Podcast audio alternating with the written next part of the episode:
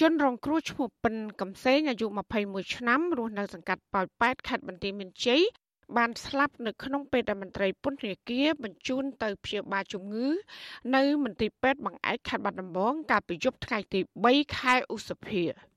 ចាំមន្ទីរពេទ្យបង្អែកខេត្តបាត់ដំបងមិនបានរៀបរាប់លម្អិតជំវិញមរណភាពនេះទេប្រធានមន្ទីរពេទ្យបង្អែកខេត្តបាត់ដំបងលោកកសិលាបានបញ្ជាក់នៅក្នុងសម្បត្តិមរណភាពចុះថ្ងៃទី3ខែឧសភាថាជនរងគ្រោះបានស្លាប់បណ្ដាលមកពីហើមសួតចាត់សាច់ញាតិជនរងគ្រោះបានប្រតិកម្មនឹងការលើកឡើងរបស់គ្រូពេទ្យនេះម្ដាយជនរងគ្រោះលោកស្រីមេតសុកសានប្រាប់អសីស្រីនៅព្រឹកថ្ងៃទី6ខែឧសភា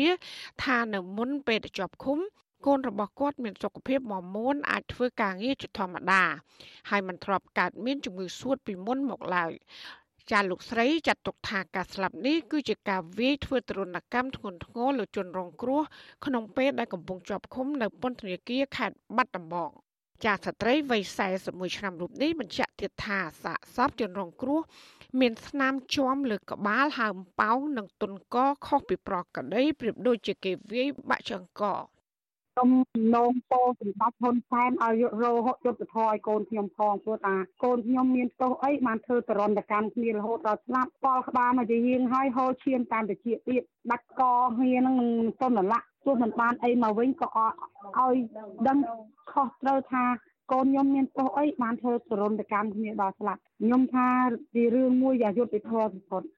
ចាលោកស្រីមេតសុកសានបន្តទៀតថាលោកស្រីបានស្វែងរកអន្តរាគមទៅសមាគមការពារសិទ្ធិមនុស្សអាត់ហុកខេត្តបន្ទាយមានជ័យរួចហើយដើម្បីឲ្យជួយដាក់ពាក្យប្តឹងទៅតុលាការនិងស្ថាប័នពាក់ព័ន្ធរកយុត្តិធម៌ឲ្យកូនរបស់គាត់ ចាលោកពិនកំសែងត្រូវបានប៉ូលីសខេត្តបាត់ដំបងចាប់ខ្លួនហើយបញ្ជូនទៅឃុំនៅពន្ធនាគារខេត្តនេះកាលពីដើមខែកុម្ភៈកន្លងទៅពាក់ព័ន្ធនឹងបទល្មើសលួចនៅស្រុកកំរៀងខេត្តបាត់ដំបង អំឡុងពេលជាប់ឃុំរយៈពេល3ខែនោះជនរងគ្រោះបានទូរស័ព្ទទៅក្រុមគូសាររបស់គាត់ចំនួន2លើកប៉ុណ្ណោះ នៅក្នុងវីដេអូឃ្លីបដែលអសីស្រីទទួលបានបង្ហាញថាសាកសពជនរងគ្រោះមានឈាមហូរចេញតាមត្រចៀកប្រឡាក់ពេញក្បាលនិងមានស្នាមជាំត្រង់ក តកតងនឹងបញ្ហានេះអ្នកនាំពាក្យអគ្គនាយកដ្ឋានពន្ធនាគារនៃក្រសួងមហាផ្ទៃលោកនុតសាវណ្ណាប្រពន្ធស្រីថាមន្ត្រីពន្ធនាគារមិនបានវាយធ្វើទរណកម្មទៅលើជនជាប់ឃុំដោយការចោទប្រកាន់របស់សាច់ញាតិនោះឡើយចាលោកបញ្ជាក់ថាការស្លាប់នេះត្រូវបានគ្រូពេទ្យពិនិត្យរកឃើញថាជនរងគ្រោះស្លាប់បណ្ដាលមកពីជំងឺហើមសួតធ្ងន់ធ្ងរអញ្ចឹងខាងខ្ញុំ ខ្ញុំមិនទទួលស្គាល់ថាវាជាអំពើទរណកម្មទេគឺអានេះជាអាការៈដែលសបង្ហាញអំពី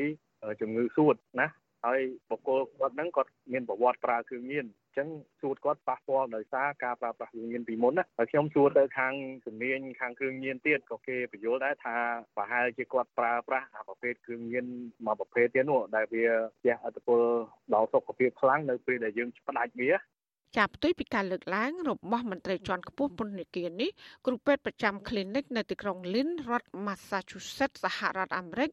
លោកវិជ្ជបណ្ឌិតឆាន់ទូចមានប្រសាសន៍ថាជំងឺសួតមិនបណ្ដាលឲ្យសាកសពទុនកហើមក្បាល និងហូរឈាមតាមត្រចៀកនោះឡើយយើងចេះតែនិយាយពីកាពីណាមនុស្សស្លាប់ដោយសារជំងឺសួតមិនមែនអញ្ចឹងទេបាទបើតាមការគិតរបស់ខ្ញុំវាប្រហែលជាតនកម្មមិនមែនតែការធ្វើវាយធ្វើបាបក៏បាក់កជាប់អញ្ចឹងណាបាទ បើថាឲ្យសួតស្លាប់ដោយសារជំងឺសួតក្នុងលក្ខណៈហ្នឹងគឺគ្មានទេបាទហើយបើតាមការរៀបរាប់ហ្នឹងខ្ញុំជឿថាប្រហាក់ប្រហែលទៅនឹងទណ្ឌកម្មចំណែកមន្ត្រីសម្របសម្រួលសមាគមការពារសិទ្ធិមនុស្សអាត់ហុកខេត្តបាត់ដំបងលោកយិនមេលីវិញមានប្រសាសន៍ថាការស្លាប់នេះមានមន្ទិលសង្ស័យជាច្រើនដែលអាជ្ញាធរពាក់ព័ន្ធគួរតែស៊ើបអង្កេតឲ្យបានស៊ីជម្រៅដោយសារជនរងគ្រោះមានស្នាមជាំហើមនិងហូរឈាមតាមត្រចៀក លោកនិយាយទៀតថាលោកនឹងប្រឹងធ្វើការងារនេះឲ្យអស់ពីលទ្ធភាព ដើម្បីជួយរកយុត្តិធម៌ដល់ជនរងគ្រោះ។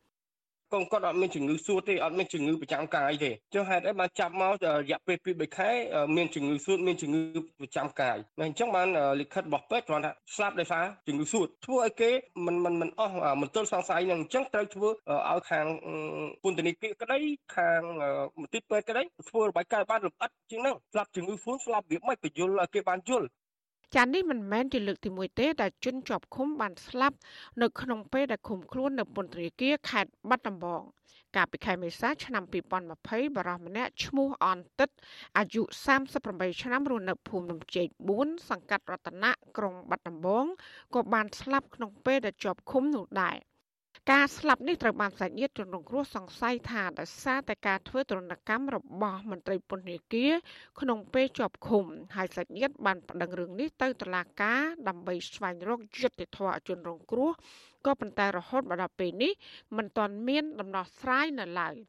ចាននាងខ្ញុំម៉ៃសុធានីអសីស្រីប្រធានាធិបតី Washington